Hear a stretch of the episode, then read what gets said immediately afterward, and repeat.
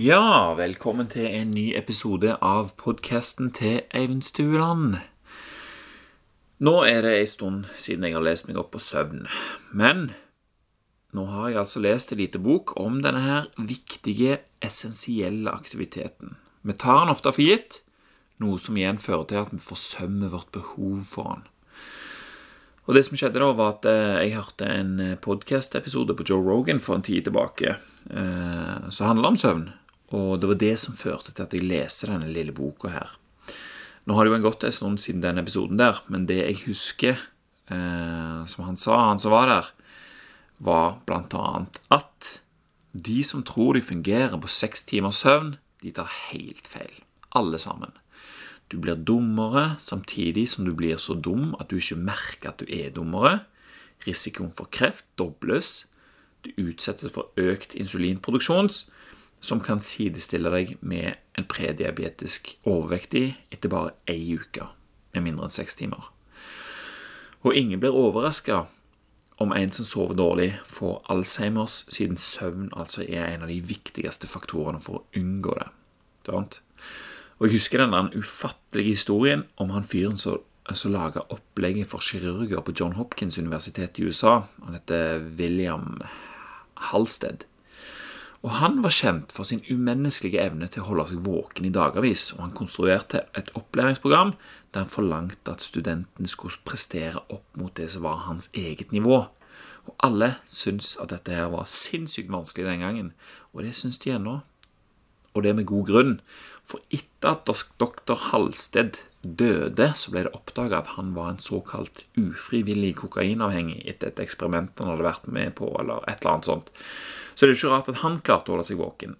Og det er jo ikke rart at ingen kokainavhengige ikke klarte å følge med på samme intensitet.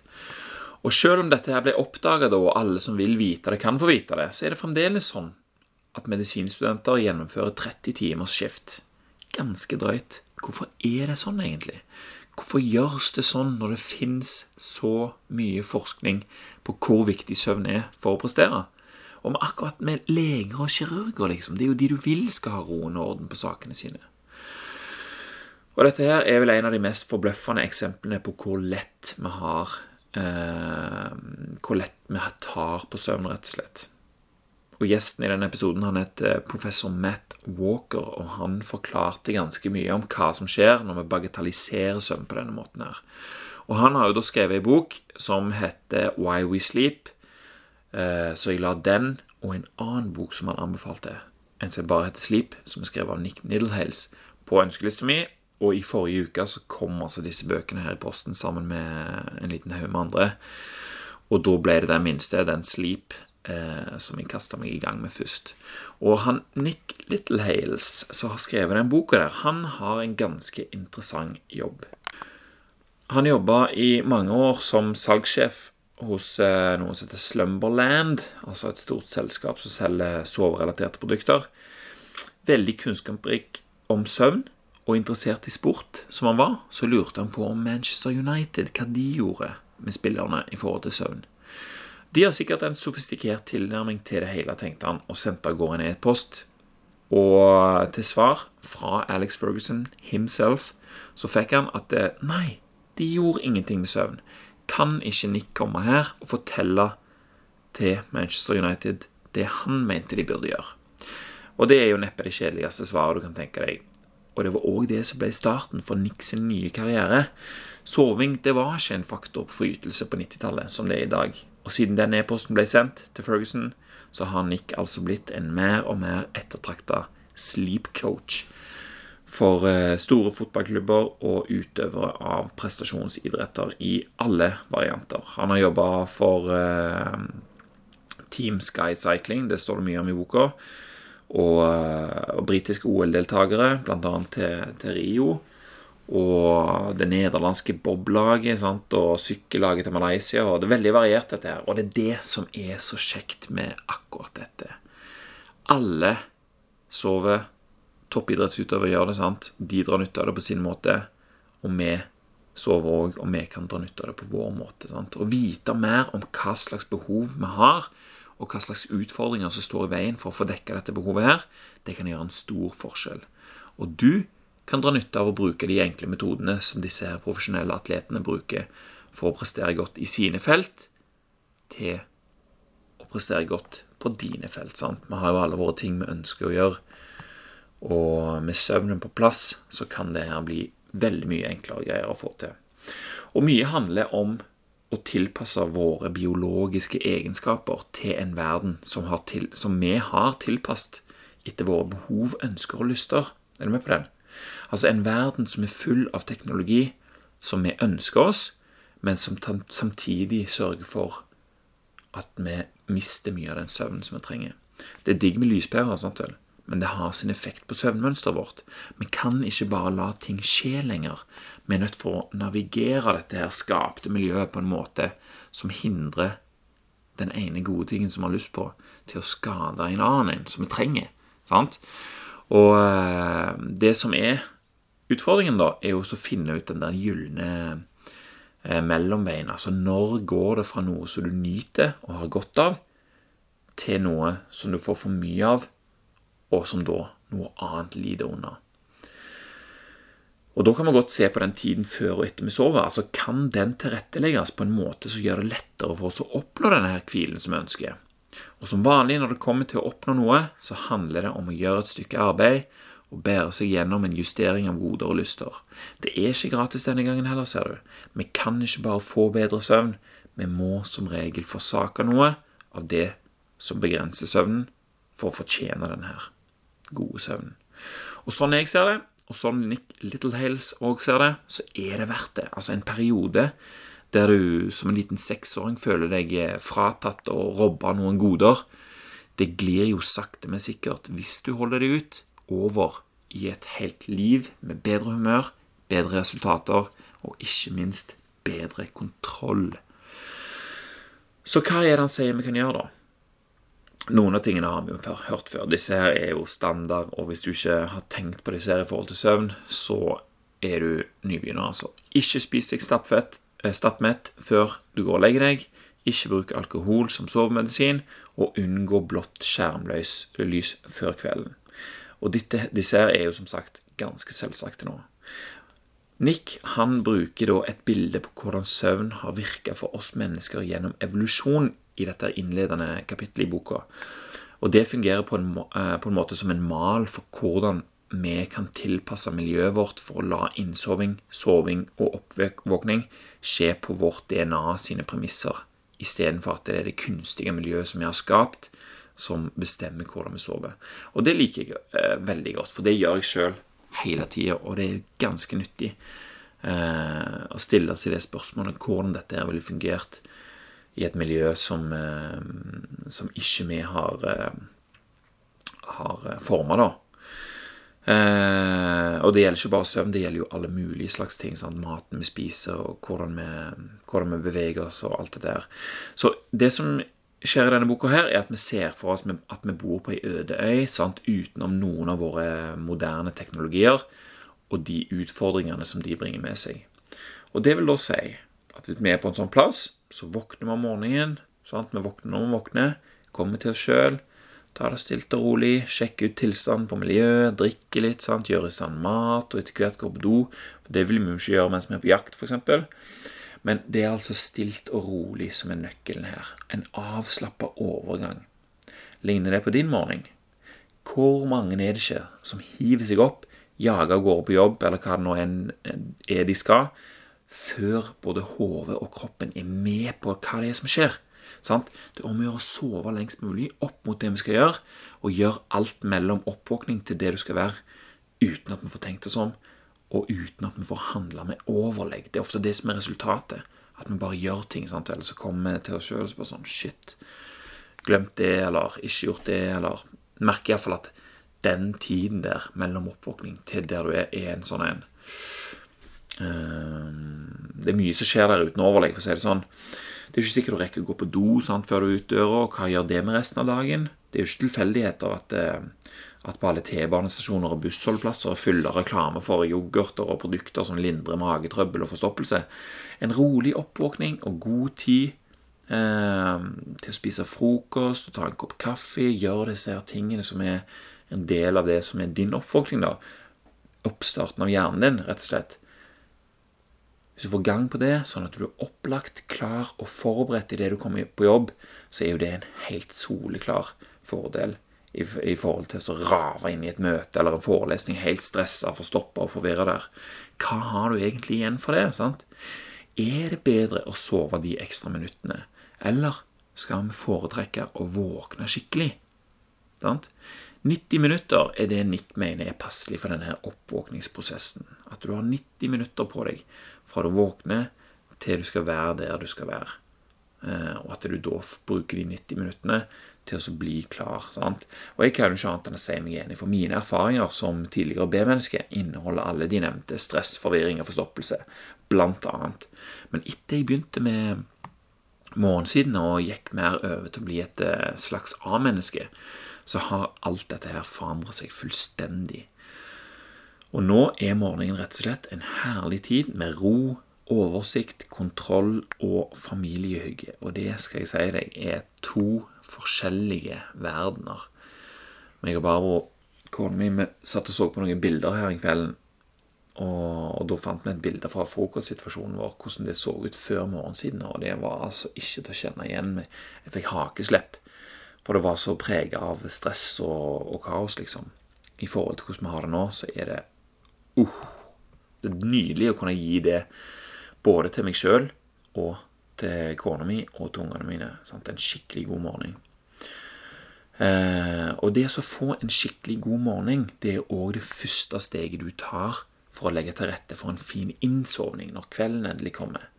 Og det nevnes flere triks for å få gang på denne her oppvåkningen. Da, sant? Og En gjentagende sak det er sånne oppvåkningslamper. Lamper som gir en sånn simulert opp, eh, soloppgang og lyser med en spesiell intensitet som simulerer dagslys. Pinealkjertelen den går da fra å lage søvnhormonet melatonin til å lage serotonin når han blir stimulert av lys. Så eh, så lys er altså en nøkkel der for morgenen. Så en av de viktigste tingene du kan gjøre for å sovne om kvelden, det er altså å våkne skikkelig om morgenen. Og disse 90 minuttene her om morgenen, det er òg en periode som Nick foreslår at skal være uten mobil og nyheter og kommunikasjon på sosiale medier.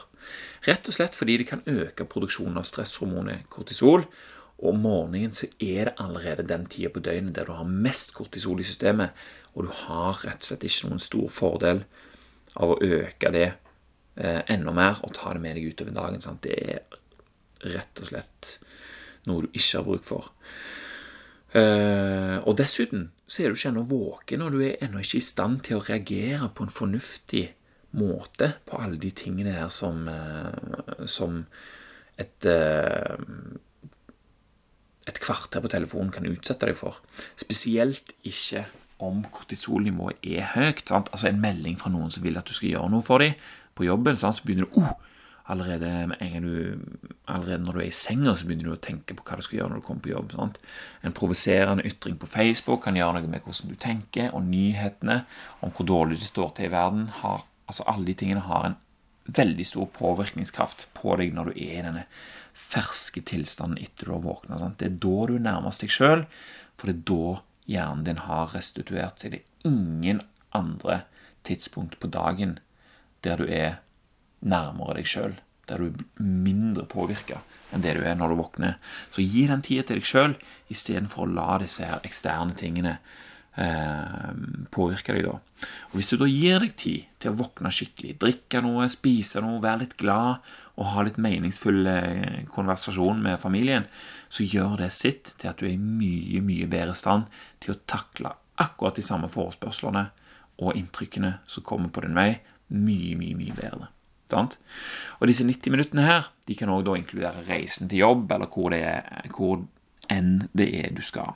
Det viktigste er at du har roen gjennom denne perioden, at du har kontroll på hvem du blir når søvnen etter hvert gir eh, slipp. Så det var morgenen, og om kvelden så er det òg fint å ta seg tid til å omstille seg. Da har du vært våken og skal inn i innsovningen og innsovningen har godt av å la dagens tanker og følelser dempe seg og gjøre plass til litt sånn roligere gjøremål. Og Nick anbefaler å spise siste måltid innen tre timer før du har tenkt å sove. sovne. Sant? Altså middag tre timer før du har tenkt å sovne. Det er en sånn enkel og grei regel. Eventuelt, hvis du merker at du begynner å bli sulten, så en liten snack senest 90 minutter før er det han har skrevet, i hvert fall, som han må anbefale til sine atleter. da. Og akkurat som om morgenen så er innsovningsritualet òg på 90 minutter her. Og innen den tid så kan det være greit å ha gjort det du skal ha gjort. Sant vel? Svart på det du skal ha svart på på telefonen og på internett, sånn at du kan koble deg fra for dagen eh, 90 minutter før du skal legge deg da. Og TV-en. Men hva i alle dager skal du bruke 1 12 time på da, før leggetid? Hvis du føler det sånn, så betyr det kanskje at du er vant med å bruke teknologi i dette tidsrommet her. Og det er jo en eh, grei pekepinn. For denne her teknologien den forstyrrer altså potensialet ditt for en rik og restaurativ natt i senga, for å si det på en sånn måte. Du kan så klart gjøre som du vil, men jeg sier bare at det er en fordel for deg om du lar være dette her. Og eh, For å ta noen av mine egne erfaringer, så bruker jeg sjøl denne tida til å gjøre morgenen og oppvåkningen min bedre neste dag. Eh, det, det, var ganske kjipt til å begynne med sant? Å, å gi slipp på denne teknologien eller det som du er vant med å gjøre, men etter hvert så merker jeg jo at fokuset gikk over på hva jeg tapte på kvelden, til hva jeg fikk neste morgen. Sant vel? Så rydder jeg, tar oppvask på kjøkkenet og gjør klar til, til frokosten og nistepakker og sånn neste dag. Liksom Helt rolig og avslappa. Det er ikke noe sånn stressende når jeg holder på med dette. Det er bare, bare å gjøre det, liksom. Rydde stua og gjøre klar stuebordet til morgensidene. Og denne prosessen her gjør jo at jeg da får ro på kvelden, samtidig som jeg forbereder meg på hvordan ting skal være om morgenen. Det noe det kommer ikke noen veldig store overraskelser for, eh, for meg om morgenen der når alt er liksom lagt klart. Det er ikke da jeg finner ut at jeg har glemt å gå på butikken. Og dermed så blir det da til at jeg gleder meg til både å legge meg og til å stå opp. For du har den kontrollen. Og når du da kommer på badet for å pusse tennene, og sånt, så er det jo om å gjøre å ikke ha flombeløsning. Det kan du godt spare til morgenen. Og Det var min rutine i forhold til dette. her. Og Du finner på, på dine egne ting alltid til hva ditt behov er. Men øh, denne prosessen her, altså, den gjør deg rolig og avslappa. Ingen reklame, klikkbeit og nyheter har fått oppmerksomhet fra deg den siste tiden før søvn. Og pinealkjertelen har begynt å lage melatonin, sant? for du har skrudd ned lys og sånn. Så det. Beslutninger er tatt, og du har oversikt for morgendagen. Hodet er rolig, kroppen er trøtt, og du begynner å bli klar til å sove. På rommet så er det helt mørkt og litt kaldere enn ellers i huset. Det er liksom ei fin ramme rundt dette her, da. Eh, så en lang dag starta altså med oppvåkning, gikk videre til jobb og plikter og gjøremål og, eh, og sånn som det, og da har du omtrent kommet til ditt utgangspunkt igjen. Du har roa ned, du har lagt deg til å sove, og i morgen er det på'n igjen. Og det som Nick mener er lurest, da, er at vi står opp på samme tid hver dag. Mm. Det er den beskjeden du ikke vil høre. Sant? En av de tingene som du gjør som du ikke har lyst til å forholde deg til. For dette gjelder selvfølgelig hele uka. Helga òg. Og igjen så er jo dette noe du ikke er nødt til å gjøre. Det er bare om du vil ha mer potensial ut av søvnen din, så er det en veldig god ting å gjøre. For det er altså ditt oppvåkningstidspunkt som skal være den konstante faktoren her, ikke hva tid du legger deg. Eh, og det er òg her det begynner å bli interessant. For det som Nick sier at du skal gjøre, er at du skal regne deg bakover i tid fra oppvåkningstidspunktet i disse her 90 minutters syklusene eh, for å finne ut hva tid du skal legge deg. Du har sikkert hørt om at eh, en sovesyklus er 90 minutter. Altså Alle har forskjellige søvnbehov, men gjennomsnittet sier de er på ca. 8 timer. Men det betyr ikke at vi skal gå for 8 timer hver natt. Det betyr at det er det som er gjennomsnittet. Sant? Mellom 7 og 9 timer et sted.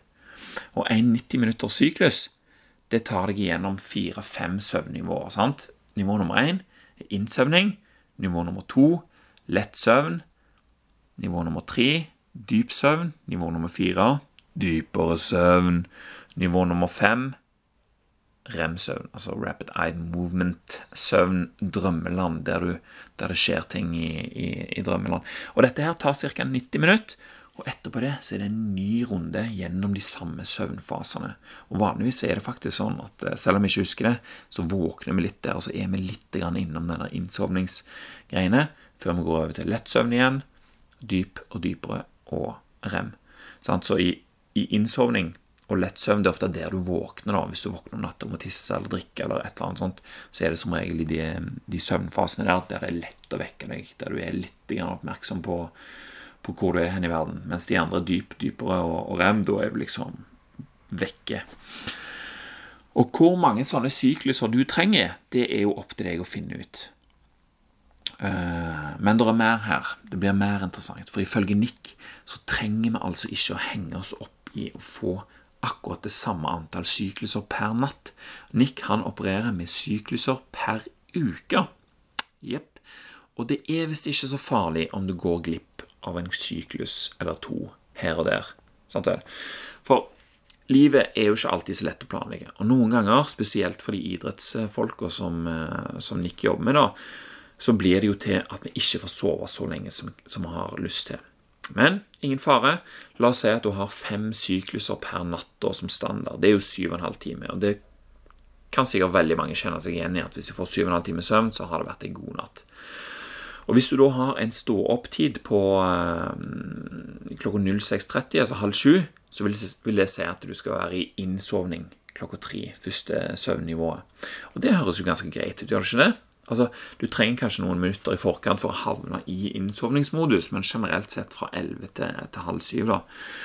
Og Hvis du da har en kveld der du ikke rekker å komme deg i seng til klokka 23, eller du kommer, kommer hjem klokka 11, sant, så vet vi jo det at det, det har ikke noe for seg å gå og legge seg med en gang. Og vet du hva Nick sier da? Det er nå du begynner, kan begynne å bli litt glad igjen, igjen når han har tatt vekk eh, telefonen og TV-en din om kvelden. For han sier at du trenger ikke gå og legge deg klokka halv tolv og liksom tenke at 'Å, nå har jeg tapt en halvtime'. Vet du hva du faktisk bør gjøre? Du bør vente til neste syklus og gjøre deg klar for legging klokka halv ett istedenfor. Var ikke det herlig å høre? Da kan du ta den der innsovningsritualet litt, eller lese litt, eller gjøre et eller annet som eh, gjør at du får en god innsøvning, og så måtte du havne inn i den samme eh, syklusrutinen liksom, for søvn, og at du våkner opp på det tidspunktet som du vanligvis våkner opp på når du er i samme eh, Hva skal jeg si oh. At du er i samme parti av denne her siste syklusen da, når du våkner opp. Det er det som har mest å si. Og det vil da si at du har gått glipp av en syklus. Og hvis du er så sein at du har vært i bursdag eller et eller annet sånt, så skal du hoppe over til neste syklus igjen, og det blir jo da klokka to. Sant? Og det er jo sånn noe, du, noe som kanskje kan skje hvis det har vært et eller annet sånn festlig. da. Men stå opp klokka 06 vanlig, 06.30 som vanlig, eh, og så tar du deg heller en hvil på dagen. sant vel? Da har du hatt tre sykluser da, hvis du har lagt deg klokka to og stått klokka halv sju. Men allikevel så har du da tapt bare to sykluser av 35 på ei uke. Begynner du å forstå? Det, det er sånn eh, Nick tenker når du har tapt, og hvordan du kan ta igjen denne søvnen. Så du kan ha faktisk tre dager på rappen med færre sykluser enn din standard. Og du kan òg bruke dagen til å hente deg inn her. Og med trening så kan du legge dette her inn i et regnskap over sykluser som du har tenkt å gi deg sjøl. Og, eh, og, på en måte ha en veldig god kontroll på dette her, da. Eh, I forhold til den panikken som vi ofte opplever når vi merker at vi oh, Shit! Nå er det bare så mange timer til jeg skal stå opp. Da får jeg bare så mange timer med søvn. Og så får den tanken der til å øke kortisolnivået, som gjør at du, eh, at du begynner å legge, tenke mer på det. Tenker på enda flere ting, tenker på konsekvensene over dette her. Og så fører det til at du er våken lenger og lenger opp mot oppvåkning. Sånn, Istedenfor kan du bare tenke at ah, jeg legger meg klokka to, og så står jeg opp halv sju. Så har jeg fått tre sykluser. Så får jeg se tid jeg får tid til å hente den inn igjen. Og i ett-to-tider så kommer det et vindu der vi som mennesker som bor på jordkloden, i den døgnrytmen som jordkloden har, føler oss trøtte. Og her kan det være lurt å legge inn en 90 minutters syklus om du har behov for å hente deg inn. Og ikke minst da, om du selvfølgelig har muligheten. Og Dette er jo akkurat som spanjolene gjør. sant? Hvis du har sovet tre sykluser på natten og én på dagen, da har du bare mista én syklus. Uh, og denne henter du da ifølge Nick. Det var her jeg ikke helt uh, forsto helt, eller ikke hadde helt Det var ikke nok her til å overbevise meg 100 men det som han sier, er at uh, du henter den tapte syklusen inn neste gang du sover. Du vil havne fortere inn i dyp søvn, og du vil, eh, du vil gå inn i den delen av eh, søvnsyklusen som du trenger restitusjon fra, raskere enn hva du vanligvis ville ha gjort. da. Og Det er sånn det fungerer, og Nick sier at vi ikke kan hente inn denne søvnen her da med å sove da syv sykluser dagen etterpå. Hvis, søvn, hvis søvn er mista, så er den vekke. Og vi henter oss inn uten å sove lenger. sant? Står det i boka, da, men jeg kjenner at jeg, jeg, jeg klarer liksom ikke helt å tro på det. For det jeg har hørt det mange ganger før, men jeg får det bare ikke til å stemme med egne erfaringer. Jeg trenger mer overbevisning, men det er det som står her, iallfall, og det kan godt stemme at det er sånn. Uh, og det er jo selvfølgelig søvnens kvalitet som har mye å si her. Uh, om du sover dårlig eller bra. Og boken sier òg mye om hva slags madrasser og hva slags sovemiljø du bør ha. Men eh, det tar jeg ikke med her. Det må du lese i boka for å få med deg. da. Men hvis du da altså har hatt tre dager med én syklus mindre enn hva som er din standard, så har du da totalt fått i deg 32 sykluser denne uka. her. Og det er ikke så farlig. Eh, at du trenger å legge så mye i det, rett og slett. Det er godt nok. Og ifølge vår dagrytme så er altså ett-to-tida et godt tidspunkt for en lang hvil. Men hvis du ikke får til det, så er òg fire-fem-seks-tida et godt tidspunkt for en hvil. Men her er det jo litt mer risky å gå for 90 minutter, så. Og som Nick sier, på en eller annen merkelig måte, så er det òg kan du òg på en måte sammenligne en 30 minutters hvil i 4-5-6-tida med en syklus med søvn i dette søvnregnskapet. Da. Jeg forstår ikke helt hvor, hvordan det her virker i praksis, men det er iallfall det han sier, da. Eh, og det er jo basert på hva de har funnet ut er effekten av en powernap. rett og slett. Det kan jo gjøre utrolig mye med fokuset ditt. Spesielt er jo dette her eh, gjort en del studier på i forhold til piloter, og hvor mye mer fokuserte de var etter en så og så mange minutters lang hvil. da. Så jeg tror det han prøver å si, er at eh, vi kan hente oss inn og være en god del mer skjerpa enn hvis vi ikke tar denne hvilen. da. Sånn at vi, vi, har rett og slett noen verktøy kan bruke hvis eh, den foregående natta ikke har vært sånn som den pleier å være. da. Eh, men som sagt, la det ikke gå mer enn tre dager uten en full femsyklusnatt, og så må de andre nettene være òg fem syklusnatt. Jeg tror han sa det var enten må du ha tre eller fire netter per uke som er fullt eh, opp fem sykluser. Og om du øver deg, så kan du altså få ganske mye ut av en skikkelig pause i løpet av dagen, der du bare slår av systemet ditt litt. Og det kan være alt fra å kle deg naken og hoppe i seng og sove skikkelig, til å sette deg på en benk og ta en meditasjon, eller bare rett og slett endre miljø og fokus. Og Nick sier at du til og med kan la det skje mens du står og snakker med en kollega som eh, jabber i vei om sitt, så kan du liksom zzz, koble litt ut og ta en mental pause og hente deg litt inn der. Eh, litt restitusjon uten at de rundt deg egentlig merker egentlig hva, du, hva du holder på med. En pause, en powernap, meditasjon, en dagdrøm. Hva nå enn du vil kalle det, så kan det være altså et godt verktøy å ha den dagen du trenger å prestere, til tross for at du har lite søvn. Og Her er det da øving som er stikkord her. Ikke gå rundt en dag og være så trøtt og så tenke sånn 'Å, skal jeg gå og legge meg?' Nei, nei, nei. Det, det er bedre å, å bare battle gjennom det. Det er ikke bedre å battle gjennom det. Bruk det tidspunktet heller til å øve deg, sånn at du kan takle sånne situasjoner bedre i framtida. For husk, du er dummere når du ikke har sovet. Du er bare dum. Du er bare såpass dum at du ikke merker at du er litt dummere. Så det kan være greit å huske. Og noen av forutsigelsene for at eh, du kan holde på sånn som dette her, er at du vet hva du holder på med. At du kan roe deg ned, at du kan våkne opp på en fornuftig måte, at sovemiljøet ditt er godt tilpassa, og at du er flink til å ta deg inn igjen på dagen. At du er flink til å hente deg inn når du er for trøtt, at du har en god madrass å sove på. Dette her er hovedtrekkene fra boka, her, og det er veldig mange flere gode tips hvis du leser hele. Den, den er veldig kort, den er ikke 200 sider engang, tror jeg, og, og, ganske liten. Så kjøp den og les den om du vil vite mer. Jeg tror den koster mindre enn 100 kroner òg. Og den heter Sleep og er skrevet av Nick Littlehales, som er da sleep coach for alle disse her eh, idrettsfolka. Og det var den første boka om soving som jeg leste. Og når jeg har lest den andre, Why We Sleep, så skal jeg fortelle deg òg om hva som står i den. Og så blir det spennende å se om det står noe annet enn det som står i denne boka her. Så i korte trekk da, så kan vi si at du kommer langt med følgende. Rolig før søvn, rolig etter søvn, begrensa teknologi, sov i sykluser, tenk sykluser per uke, stå opp på samme tid hver dag, masse lys om morgenen, lite lys om kvelden, ingenting om natta, kjølig på rommet, god madrass, hvil etter behov, og som vanlig så er det opp til deg. Du kan bruke disse her eh, metodene hvis du vil ha bedre søvn, eller du kan drite i det hvis du liker å ha det sånn som du har det. Og det var det. Det var boka 'Sleep' av Nick Littlehales. Kjøp den og les den, og sørg for å få deg bedre søvn. Og det var alt for i dag. Tusen takk for nå. Tusen takk for meg, og tusen takk til deg som hørte på. Vi snakkes neste gang.